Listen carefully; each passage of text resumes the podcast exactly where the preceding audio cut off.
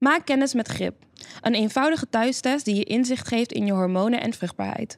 Of je nu een planner bent, een kind probeert te krijgen of gewoon nieuwsgierig bent naar je hormonale gezondheid, de GRIP-test helpt je de antwoorden te vinden. GRIP is een door vrouwen voor vrouwen bedrijf uit Nederland. Je kan testen door heel Nederland en sinds kort ook in Engeland. En mijn moeder heeft altijd hele hoge verwachtingen van mij gehad. En als ik dat niet haalde, dan werd ik daar ook echt op afgestraft, weet je wel. En dat maakt het dus ook extra moeilijk. Want aan de ene kant is je moeder je grootste cheerleader, maar aan de andere kant is ze ook je grootste soort van criticus. Welkom op Vrouwentoilet.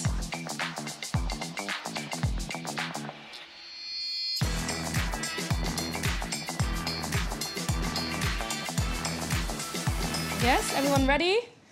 Stilte.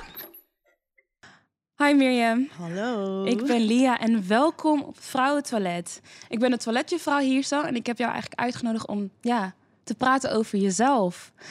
Dus ehm, toevallig keek ik vandaag op jouw Instagram en had je het... niet lachen. Oh, sorry. En had je het over ehm, hoe jij je voelt mentally. Weet je, gewoon je, je geestelijke gezondheid eigenlijk. En ook, je had het over eh, wachtlijsten. En ook hoe jouw eh, zoontje je eigenlijk motiveert Mhm. om eh, goed bezig te blijven. Dus kan je me daar wat meer over vertellen? Ja, nou ja, de reden dat ik überhaupt denk ik hier zit... is omdat ik ooit ben begonnen tijdens een hele moeilijke periode... waarin ik best wel last had van een depressie met een blog. En daarna ben ik begonnen met het fotograferen van mijn moeder. En het was eigenlijk allemaal een vorm van bezigheidstherapie... tijdens mijn echte therapie. En eh, dat is eigenlijk de afgelopen twee, drie jaar heel erg geëxplodeerd. En er is wereldwijd ook heel veel aandacht voor geweest. Maar desondanks heb ik nog steeds mijn issues en mijn struggles. En eh, we zijn eh, afgelopen jaar verhuisd in deze gekke huizenmarkt tijdens de pandemie. Weet je, ook nog een huis moeten vinden in deze tijd. En dat heeft best wel zijn tol geëist eigenlijk. Eh, dus vandaar dat ik eh, voor mezelf heb besloten van ik moet eigenlijk gewoon weer terug in therapie om echt aan mezelf te werken en gewoon het beste van mezelf. eh, het eigenlijk het, om eigenlijk het beste uit mezelf te, te halen. Want ja, ik heb een kindje en ik wil er nog heel lang zijn voor hem.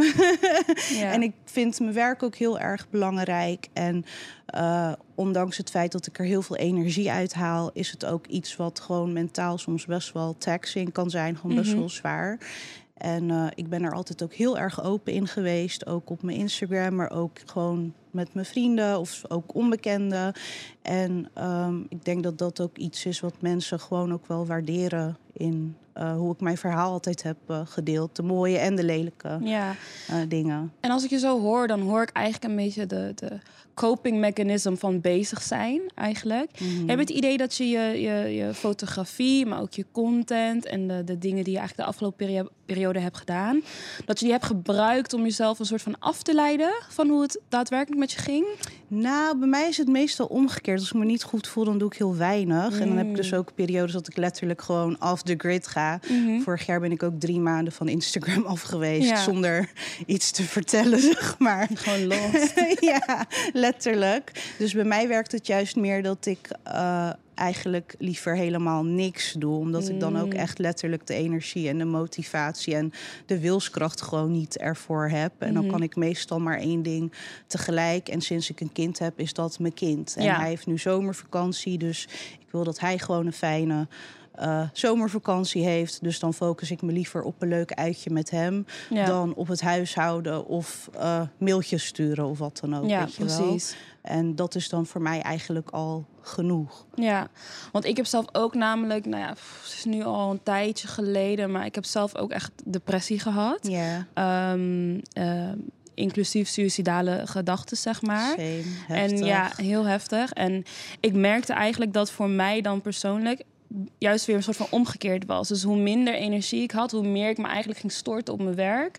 Zodat ik zeg maar mezelf maar kon afleiden van... want als ik werk, als ik opsta, als ik, kan, als ik me kan aankleden... als ik kan douchen, dan, dan gaat het oké met mij. Zeg maar. Ik ging mezelf soort van overtuigen dat eh, eh, bezig zijn betekent dat ik gewoon oké ben. Terwijl het juist voor mij niet zo was. En nu heb jij natuurlijk best wel een grote factor, want je hebt natuurlijk een kind. Ja, en, en dus je moet. Je moet wel. En ja, dat heb ik dan weer niet. Dus ik ging het echt in werk zoeken. Maar heb je, ik bedoel, je post ook best wel veel over Nori, toch? Ja, Ja, en, en eh, vooral heel veel ook over eten. ja. En er zit een soort van, voor mijn idee, is er een soort van eh, wisselwerking tussen wat je eet en hoe je je voelt. Ben je daar ook meer op gaan focussen? Nee, want het ding is, los van zeg maar depressie en anxiety en ook PTSS, dat resulteerde. Mijn copingmechanisme was eetbuien. Oh ja. Dus Mhm. ik eet juist heel slecht als het niet goed gaat met Mm. me. En dat heb ik het afgelopen jaar ook heel erg eh, gemerkt. Ik ben ook gewoon heel erg aangekomen. Ja. Maar ergens ben ik daar ook gewoon oké mee, want ik weet waar het vandaan komt. Maar het is dan ook heel moeilijk om een soort van die knop om te zetten en dan weer een soort van normaal te gaan doen, Ja, weet je wel. ja. Dus daarom is voor mij gewoon die eerste stap van ik moet weer in therapie. En weet je wel, dan gaan die andere dingen meestal ook wel weer eh, beter. Ja. Maar voor mijn zoontje zorg ik wel heel goed als het dan op eten aankomt. Mm, ja. Want hij krijgt snackplates en dat ja, soort dingen. en weet je inderdaad die snackplates en ik dacht echt, must be nice. Ja, echt hè. Maar ik maak het dan voor hem en niet Ja. voor mezelf, Ja, ja, weet je ja, wel. ja. Je Dus ik, snackt ook niet stiekem mee. Nee, dus ik zorg heel goed voor hem. En eigenlijk Mhm. is hij dan zou dan de reminder moeten zijn dat ik ook voor mezelf moet zorgen. Ja. Maar dat is ook wel iets waar veel moeders de mist in gaan, is dat ze dan zo focussen op hun kind en dan Ja. eigenlijk zichzelf een beetje eh, vergeten. Ja, En daarin merk ik wel wat jij zegt met dat je gaat veel werken. Ik verleg mijn grenzen meer in het zorgen voor anderen. ja. Dus iedereen komt dan een trapje hoger. En dan Miriam komt zeg maar Helemaal helemaal, onderaan. die trap. Ja. En dan tegen die tijd heb ik er geen zin meer in, weet Ja. je wel. ja, mijn moeder deed dat ook heel veel. Ja. Ik herken het ook heel snel. En ehm, met die gedachte eigenlijk vraag ik me toch wel een beetje af of... eh, want jij fotografeert natuurlijk je moeder ook heel veel. Dat is eigenlijk een beetje waar jouw account om bekend is. Ja, het zijn echt super mooie foto's. En ik heb echt garderobe envy, om het zo Oh. te zeggen. en het zijn ook echt mooie shots. Echt heel, ja, heel goed wel. samengesteld. En ik vind juist, zeg maar, eh, mensen denken toch best wel snel met een hoofddoek van ja, oké, alles bedekt en niet echt heel hip en zo. En ik denk dat jij met jouw fotografie en ook hoe je moeder gedressed is, eigenlijk het tegenovergestelde laat zien. Ja, Ehm, en ik vind dat juist een heel mooi contrast. ja. Maar ehm, heb je het idee dat je eigenlijk daarmee bent begonnen en daarna meer van jezelf bent laten zien? Want ik wist eerlijk gezegd heel lang niet wie jij was. Oh, wat grappig. Ja, het is heel Ja, gek. het hangt er een beetje vanaf wanneer mensen me zijn gaan Volgen, volgen, of me ja. hebben ontdekt. Want Ja. ik heb mensen die me letterlijk al vanaf 2013 volgen en die dus echt helemaal het begin hebben Mhm, meegemaakt. mhm. En je hebt mensen die me bij wijze van een week geleden zijn gevolgd en gaan volgen en die dus ook niet eens weten wie het account Ja, beheert, ja, weet ja, je wel. ja, ja. Dus dat is heel grappig, die wisselwerking in de community. Dat doordat het steeds groter wordt, is het ook soms niet helemaal duidelijk wie is Mariam en wie Ja. is Najet, wie is mijn Ja, moeder, weet ja. je wel. Eigenlijk is het zo begonnen. Ik, eh, eh, ik begon mijn Instagram, denk ik, ergens in 2013. Maar dat was Mhm. echt nog in de tijd dat mensen nog gewoon lelijke foto's deelden van, weet je, ik ben met mijn vrienden. Ja, hele random foto's. Dus toen was het nog helemaal niet zo'n eh, gefilterd iets. Mhm. En eh, ik ben in 2015 ben ik begonnen met therapie. Ja. En toen ben ik begonnen met een blog. En eigenlijk Ja. heb ik vanaf het begin af aan dat ook altijd op mijn Instagram gedeeld. Ja. Dus het ging altijd over mij, over alle dingen. Eigenlijk Mhm. ben ik gewoon een professional oversharer, hoe ze dat noemen, een soort van. Dus ik deelde gewoon altijd alles, weet je wel. Ja, Ik ook. ja, en in die tijd was het nog wel zo heel erg dat mensen alleen die soort van highlight reel lieten zien. Weet je wel, Oh, alleen ja. de mooie Mhm, momenten. mhm, Dus ik mhm. merkte dat mensen niet altijd zo goed wisten wat ze ermee aan moesten. Van waarom deelt ze deze Ja, dingen zo of van, zo. Oh, het gaat echt vet rot met je. Ja, weet je. Mensen willen gewoon een foto liken en een hartje en dan niet een soort van heel heftig iets eh, eh, lezen. Maar op een gegeven moment kwam die shift steeds eh, meer. En ehm, merkte ik dat het dus ook juist wel veel meer gewaardeerd eh, Ja. werd. En ook in de tijd dat niet heel veel bekende mensen dat deden, want in die Ja. tijd was ik helemaal niet bekend, kreeg ik wel altijd reacties van andere meiden of jonge vrouwen van Ja. hey, thanks dat je dit deelt, want ik voel me ook zo, maar ik durf het met niemand te, te bespreken, weet Zeker je wel. weten. Dus en dat is nu eigenlijk steeds meer. Alleen ben ik in de periode dat ik met mijn moeder begon. Eh, te fotograferen. Juist wat minder over mezelf gaan Mhm. eh, praten. Ook als een soort van copingmechanisme. Ik denk dat ik daardoor een beetje expres achter de camera ben gaan staan in plaats van ervoor. Ja. Omdat ik het niet meer zo, zo veel wilde bespreken of Mhm. zoiets. Want een depressie is niet wat ik ben, weet Nee. je wel. Ja, want eh, dat is inderdaad een soort van... Wat ik heel erg merkte, is dat als ik er dan over sprak... dan was het soort van...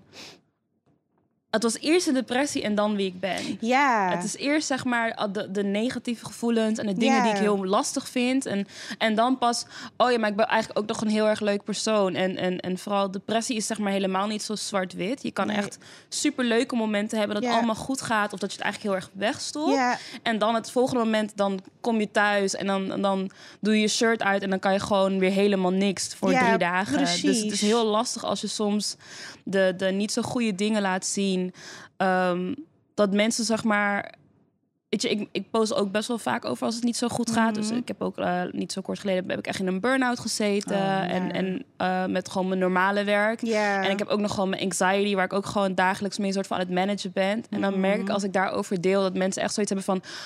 Oh mijn god, het hele kind staat op instorten. Nu is het klaar. Ik Bel iemand 112, 911. We moeten iets doen. Ja. Weet je wel? Terwijl, het dan niet per se zo nee, heftig het is. Zeg maar, oké, ja, het gaat misschien twee of drie dagen of Ja. vier dagen of een hele week of twee weken. Niet zo lekker. Maar voor de rest ben ik oké. Ik functioneer gewoon verder. En vooral met anxiety, want dat had je ook volgens ja, mij. ook nog steeds. Ja, met anxiety merk je dat je het zeg maar steeds beter kan managen, maar dat er ook momenten zijn dat je het niet kan managen en dat het gewoon losbars en dat je eigenlijk alleen maar bezig bent met oké, ik moet gewoon door mijn dag komen, ik moet gewoon voor mijn zoon zorgen. survival. Echt survival mode. En dat is zeg maar het lastige wanneer je het deelt met mensen die zeg maar niet kennen of er niet aan kunnen relateren. Mhm. Dat hun echt het idee hebben van oké, het is klaar. Het is alleen maar dit en dit is nu wat jij bent. En hun zien dan niet meer leuke persoon daarachter of de creatieveling of alle andere dingen die zeg maar heel leuk zijn aan jou.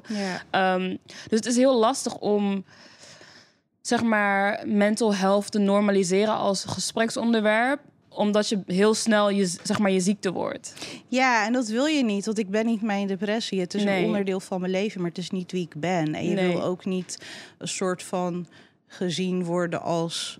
Oh, weet je wel, oh, gaat het wel met haar? Weet je, dat je als een soort van porseleinen pop ja, wordt ja, eh, ja, dat merk je eh, wel heel snel, hè? Ja, de- en ik denk dat ik daardoor bewuster wat minder over ben gaan eh, praten. Mhm. En eh, dat is ergens ook wel goed geweest voor Mhm. mezelf, zeg maar. Want soms is het ook wel fijn, weet je wel, gewoon om je eigen, om je eigen energie en je eigen soort van leven een beetje te beschermen. Juist omdat social media Ja. zo open is en mensen alles van je willen Ja. weten, is het soms ook fijn om bepaalde dingen een beetje voor je te houden, Oh ja. weet je wel. Yes. Ja, ondanks het feit dat ik het ook wel eens deel, maar het was niet iets wat de wekelijks of dagelijks Nee. aan bod kwam, Nee. weet je wel. Heb je überhaupt het idee dat je zeg maar je, je anonimiteit of jouw eh, eh, eh, ja, privacy online kwijt bent? Of juist heel erg hebt? Want je deelt best wel veel over jezelf, je zoontje, je moeder. ja. Ehm, aan de ene kant wel en aan de andere kant niet. Ik blijf Mm. het een soort van gek vinden om aangesproken te worden op straat. Of ja. bijvoorbeeld als mijn man met mijn zoontje naar, naar de dierentuin gaat... dat iemand me dan ineens een DM stuurt met... oh, ik zag je kindje. Of dat ze dan ook Dat is- worden is aangesproken. toch best wel eng? Ja, of, ja. weet je, of dat ze worden aangesproken op het metrostation. En dan kijkt Nori echt zo van, oké, wie ben jij dan? Weet je wel. Maar zij zijn het inmiddels ook wel een beetje gewend. En Ja. ik ook. Maar het blijft een soort van gek of zo. Want ik ben gewoon Mariam. Ik ben gewoon normaal, weet je wel. Ik ben niet een soort van high-class jetsetter... die een soort van Mariah Carey... Ik snap echt weet je, wel. bedoelt. Ja, ik snap Ik moet gewoon mijn eigen wasjes nog draaien. Ik, Ik heb moet gewoon echt- nog steeds de vaat doen, weet je Ik heb wel. echt zo hetzelfde. Dan soms dan, ja, ik ga gewoon met de tram en, eh, Ja. en, en de metro. En dan krijg ik echt een berichtje met, ja, ik zag je in de tram. En ik, oké, nice, Cool. I guess. Wat moet ik met deze info? Ik word er soms ook een beetje paranoïde van. Want eh, kijk, online dan kan je nog zeg maar een soort van kiezen wanneer je het wel of niet ziet, bekijkt of iets mee doet. Maar in real life heb je die keuze zeg maar niet. Dus als iemand jou een soort van laat merken van, hey, ik zie jou, je bent gezien. Ik heb dan altijd een soort van het idee van, oh mensen zien wat ik doe en, en, en, en, en wat ik zeg of met wie ik ben. En het, het geeft me soms toch wel een soort van, ja, een beetje paranoia of zo. Dat ik echt denk van, oh, huh, Ja, ik kan niet echt, echt mijn ding doen of zo, Nee. weet je wel? Ja, die snap ik. Ik ben wel nu, ik denk ook wel ergens op een leeftijd, maar ook wel gewoon qua zelfkennis, Mm. wel op een punt in mijn leven dat ik denk, I don't care, weet Ja, je wel. Ik ga ook gewoon ja. in mijn pyjama naar de supermarkt en als iemand me ziet, hey, ja, weet je, leuk voor jou. Ik heb het echt te doen met de mensen uit mijn buurt. Want ik ga echt gewoon ongedoucht, tanden niet gepoetst. Gewoon naar de Albert Heijn en, Ja, en naar de? Turkse bakker. En, en mijn haar zit dan zo. Echt, ja, Ja, het boeit me ook echt niet. Ik wil het ook niet veranderen of zo. Het is niet omdat je zeg maar een beetje bekend bent, weet je, in wat voor gradatie ook, dat je dan opeens een soort van heel ander persoon moet zijn. Nee, weet je? Dat, dat, ik merk ook dat sommige mensen van bepaalde verwachtingen van mij hebben. Dat ik echt denk, waar komt dit vandaan? Ik kom uit de hood. Ja, ja, ja, ja, precies. Maar in principe, ik deel dat ook. Dus ik ben nooit helemaal gemake-upt en dat soort dingen, weet je. Je me niet aan het dissen? Nee, maar wat ik bedoel, op mijn story zien mensen ook inderdaad die pyjama variant, Ja, ja, weet je wel. Dus ze weten hoe ik er in het echt... Eigenlijk zie ik er altijd zo uit. Dus het is niet dat ze een soort van... eh, andere versie op Instagram zien dan die ze zeg maar in het echt Ja. eh, eh, zien. Dus daarom, ik heb eigenlijk nooit iets te verbergen gehad. En dat is denk ik ook altijd mijn, eh, mijn redding, letterlijk geweest in het leven. Maar ook bijvoorbeeld in mijn werk. Ik heb alleen maar mezelf en mijn Ja. eerlijkheid, weet Ja. je wel. En ik denk dat als je altijd gewoon bent wie je bent... dat mensen dat ook echt zien. En ook weten van, ja, dit is gewoon hoe jij bent. En dat waarderen ze eh, eh, juist, weet je wel. En is het zeg maar, want jij fotografeert natuurlijk je, je moeder en je hebt nu zelf ook een kind.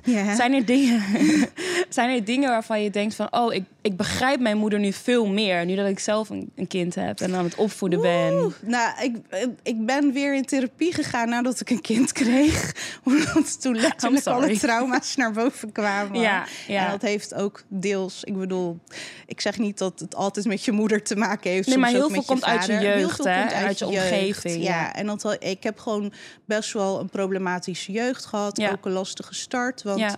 Ehm, mijn moeder kwam in 1980 naar Nederland. Mhm. Mijn vader was met mijn moeder hertrouwd na een Ja. scheiding. En hij had nog twee zoons. Mhm. En eh, toen kwam ik in 1983. En mijn moeder die werkte hier al in het onderwijs. Maar die Ja. kende niemand. Ze had geen Mm. familie, geen vrienden. Heel erg Dus- op zichzelf aangewezen, Ja, redelijk geïsoleerd. Juist. Ja. En Mhm. zij besloot dus mij terug naar Marokko te sturen. En eigenlijk me op te laten voeden door mijn opa en oma. En ik heb dus eigenlijk die eerste vier jaar zonder mijn ouders geleefd. Wat Mm. dus achteraf gezien heel erg slecht is voor je hechting en je Ja, binding klopt, als, ja. als kind zijn. Omdat dat hele belangrijke jaren zijn Ja. eh, daarvoor. En toen kwam ik naar Nederland en dan ben je eigenlijk in een vertrouwde omgeving met je opa en oma. En daar word je dan uitgehaald. Ja. En dan kom je eigenlijk in een situatie terecht die gewoon helemaal niet oké is. Mijn vader was alcoholist en Mm. het ging gewoon niet goed tussen mijn Mm. ouders. En nou volgens mij zijn ze twee of drie jaar later even uit elkaar geweest. En op mijn elfde ook echt gescheiden. Ja. Dus ik heb gewoon best wel bewogen, eh, vormende jaren gehad, Ja. weet je wel. Die Ja. eigenlijk de basis zijn voor alle struggles die ik achteraf heb. eh, Ja, ik eh, snap wel heel goed wat je bedoelt hoor. Ik heb zelf ook nog redelijke turbulente jeugd gehad. Ehm, en toen ik in therapie ging, want meestal begin je dan met wat is jouw vroegste herinnering? Ja. En dan denk, dan denk ik echt. Do I want to talk about this? Zeg maar Ja, ik weet dat ik erover moet praten, maar het is zo, zo heftig. Ehm, want je had het over anxiety, PT, PTSS, PTSD, Ja. zeg maar. En, en, en ook nog depressie. Ehm, je hebt nu weer een goede band met je moeder, eigenlijk. ja, ja. Ja. Op goede dagen, op slechte dagen. Ook. Ja. Ja. Gisteren hebben we ook ruzie gemaakt, maar dat was omdat ik me gisteren gewoon niet goed voelde. Ja. En ik heb altijd heel erg geleerd om me anders voor te doen dan hoe ik me voelde. Ik heb me altijd een soort Coping van aan- mechanism om vrede te bewaren, Ja, ja. weet je wel. En nu ik ouder ben, denk ik, ja, als ik geen zin heb, heb ik geen zin, weet je ja. wel. Maar dat is voor ik snap het dat het voor mijn moeder heel moeilijk is om te zien dat ik aan het struggelen ben, want ze Mhm. wil gewoon dat haar dochter gelukkig is. Ja. Maar tegelijkertijd denk ik dat ze onbewust ook een bepaald soort soort van schuldgevoel Ja, tuurlijk. ik, Ja, ja, ja, voelt van hé, hey, misschien heb ik hier ook wel aan bijgedragen. Ja, en heb je ook wel eens die- moeilijke gesprekken gehad met je moeder? Nou, misschien toen mijn zoontje nog geen één was en toen ik echt terugging in therapie. En daarna eigenlijk niet, Mhm. Niet meer. meer. En het is nog steeds, ik zeg het al twee jaar, echt wel mijn doel om een keer ook echt Ja. met mijn moeder deze gesprekken te gaan Ja. voeren. Omdat ik voor, me, voor mijn gevoel het idee heb dat dat ons ook gaat helpen. Weet je 100%, wel? Ja, ik heb zelf wel een paar van die moeilijke gesprekken gehad met mijn moeder. En vooral het stukje. eh, eh, eh, ja, niet echt verlating, maar meer van. Ik voelde me heel erg in de steek gelaten. Ja. En op een gegeven moment had ik dat gesprek dus gehad. En toen merkte ik wel, het was heel erg slikken. Mhm. Maar onze band is daardoor echt veel, veel beter, Beter nu. weet je? En, en het is echt, het is zo'n lastig iets. Want eigenlijk je ouders zijn heel erg, vooral in je vormende jaren, zeg maar. Dus Mhm. je, je, je vroege jeugd, maar ook je adolescentie.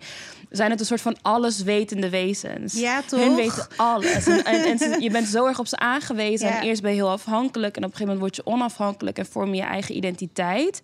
Maar dan ergens in die eh, opgroeifase realiseer je van... oh, eigenlijk weten mijn ouders niet alles. Eigenlijk doen ze ook maar wat. Mhm. En dan moet je soort van terug gaan kijken naar de dingen... die, die je ouders bijvoorbeeld kwalijk nam of iets dergelijks... om dan weer te denken van, oh ja, you just didn't know better. En and we're trying. En, en we doen het allemaal, zeg maar, onze best. Maar het is heel lastig, want ergens ben je toch altijd dochter van. En het heeft Mhm. een bepaalde, ja, ik wil niet zeggen machtspositie, maar wel een soort van je moet met rekening houden hoe je zo'n gesprek ingaat. En dat maakt het zo lastig. Heb en jij die gesprekken toen echt één op één met je moeder gedaan? Of bijvoorbeeld met zijn psycholoog nee, één op erbij? één. Gewoon echt één op één. Ik wil het het liefst met echt een... Je hebt zeg maar, als je in therapie bent, kun je van die systeemgesprekken Klopt, ja. doen. Dus dat zou ik eigenlijk het liefst eh, Ja.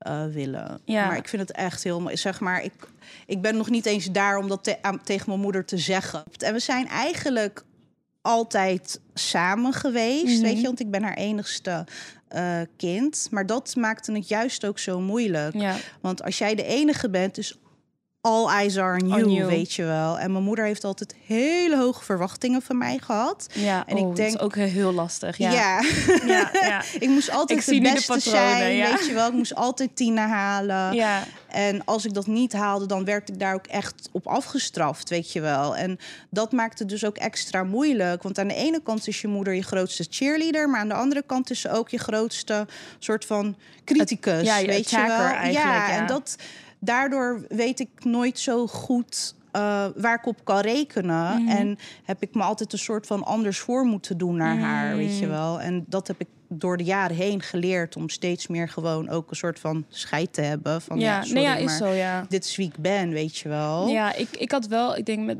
Kijk, mijn, ik ben eigenlijk een beetje gevlucht uit Amsterdam, om het zo te zeggen. Mijn moeder woont in Amsterdam Mhm. Ja. en de familie en de vrienden die ik had. Dus ik ging naar Rotterdam eigenlijk om eh, op mijn eigen eiland te leven eigenlijk. Wil, wil, je, wil je in Rotterdam? Ja, ja, ja. Ik had geen idee. Dat is zo grappig. Ik ben een Rotterdammer.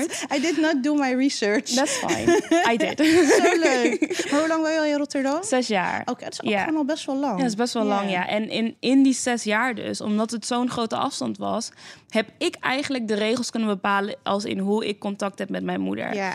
Dus nu, als zij bijvoorbeeld... als ik haar bel en ze heeft een slechte dag... dan zeg ik, oh, sorry, ik loop nu een tunnel in. Oké, doei. Je wel. Doei. Ja, maar dat is wel grappig dat je dat zegt. Want ik ben op mijn twintigste uit huis gegaan. Mhm. Ook naar Rotterdam. Letterlijk gevlucht eigenlijk. En Rotterdam is echt mijn safe haven. Ja, dat is echt mijn 100%, thuis, ja. weet je wel. Omdat ik trok het gewoon niet meer thuis. En ik moest gewoon op mezelf. En dat waren hele moeilijke jaren voor ons. Omdat ik ook echt een beetje afstand had genomen Het is ook heel vormend ook weer. Hè? Ja, precies, van mijn moeder. Maar ik merk dat we de laatste jaren ook echt wel naar elkaar eh, toe zijn gegroeid. Maar het is nog een beetje op de oppervlakte, weet je wel? Ja. Dus ik kan best wel veel meer met mijn moeder bespreken nu dan toen ik twintig was of begin dertig. ja. Maar ik wil liefst nog een soort van nog Die even, extra- nog Eigenlijk even, wil even je- erin duiken. ja, ik denk dat je eigenlijk soort van wil kunnen zeggen van... hé, hey, dit is gebeurd en dat heeft mij heel erg gekwetst. Ja. En ik neem het je niet meer kwalijk, maar ik wil dit wel gezegd hebben... zodat Ja, we precies. samen, zodat we wat meer begrip kunnen hebben... zodat we samen kunnen zien van, oh ja, dit verklaart bijvoorbeeld x-gedrag... of waarom ik Ja. zo reageer, of waarom dingen zijn zoals ze zijn... of hoe, hoe onze band eigenlijk de wisselwerking tussen ons twee is. Klopt. Ehm, Want dat is ook lastig bij mij, omdat ik natuurlijk die eerste jaren niet bij mijn moeder ben Ja. geweest. En als mijn moeder soms een opmerking maakt over, oh je moet zo doen met Norrie, en zeg ik soms ook als ik echt boos ben van, maar jij was er niet Ja. toen ik zo was, dus jij kan nu niet tegen mij zeggen wat ik wel of niet moet ja, doen dus naar eigenlijk mijn laat kind ze eigenlijk een beetje zien dat, je, dat het toch wel een soort van grudge Ja, is weet daarover. je? Ja. Precies. En dat blijft wel lastig. Maar ik denk dat ik dat zeg maar het fotograferen van mijn moeder heeft er ook wel echt voor gezorgd dat we dichter na- naar elkaar toe zijn gegroeid en dat ik ook steeds meer haar menselijkheid ben Ja. gaan zien. Want in Ja. de foto's zie je ook heel veel liefde, want ik hou Ja. superveel van mijn moeder. ja, en ik vind het ook heel mooi dat je zeg maar een soort van...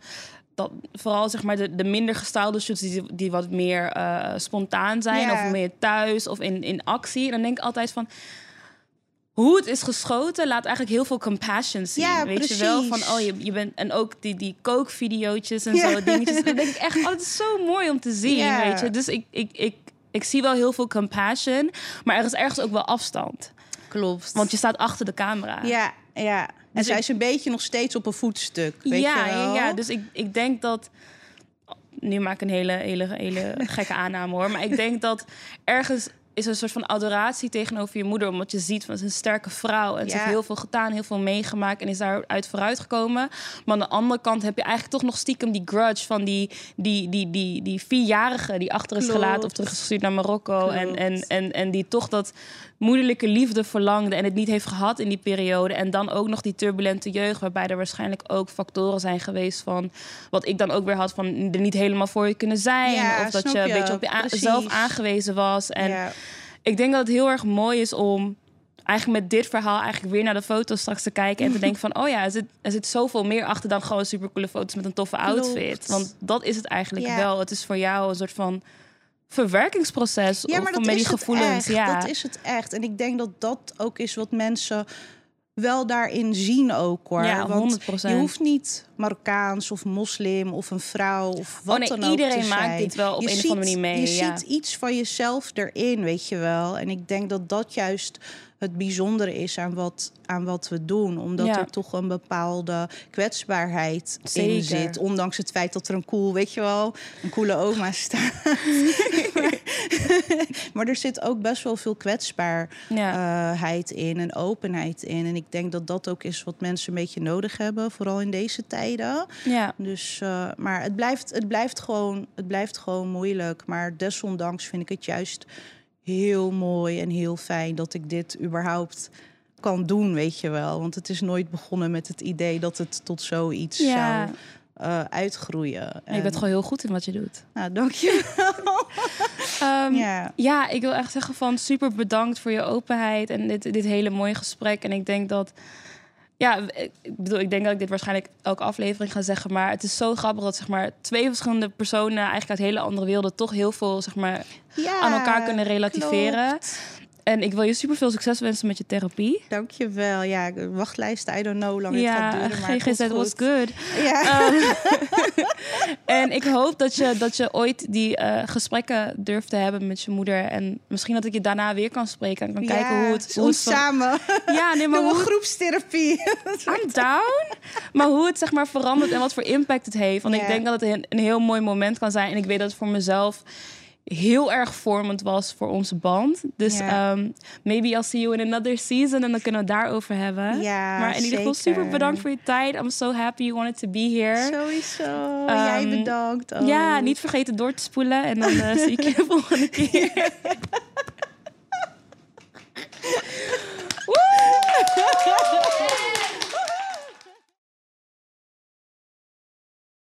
Dit was het Vrouwentoilet. Vergeet niet je handen te wassen, te subscriben, commenten en te liken. Check ons ook op Instagram, Vrouwentoilet, voor leuke content, comments en andere leuke dingen.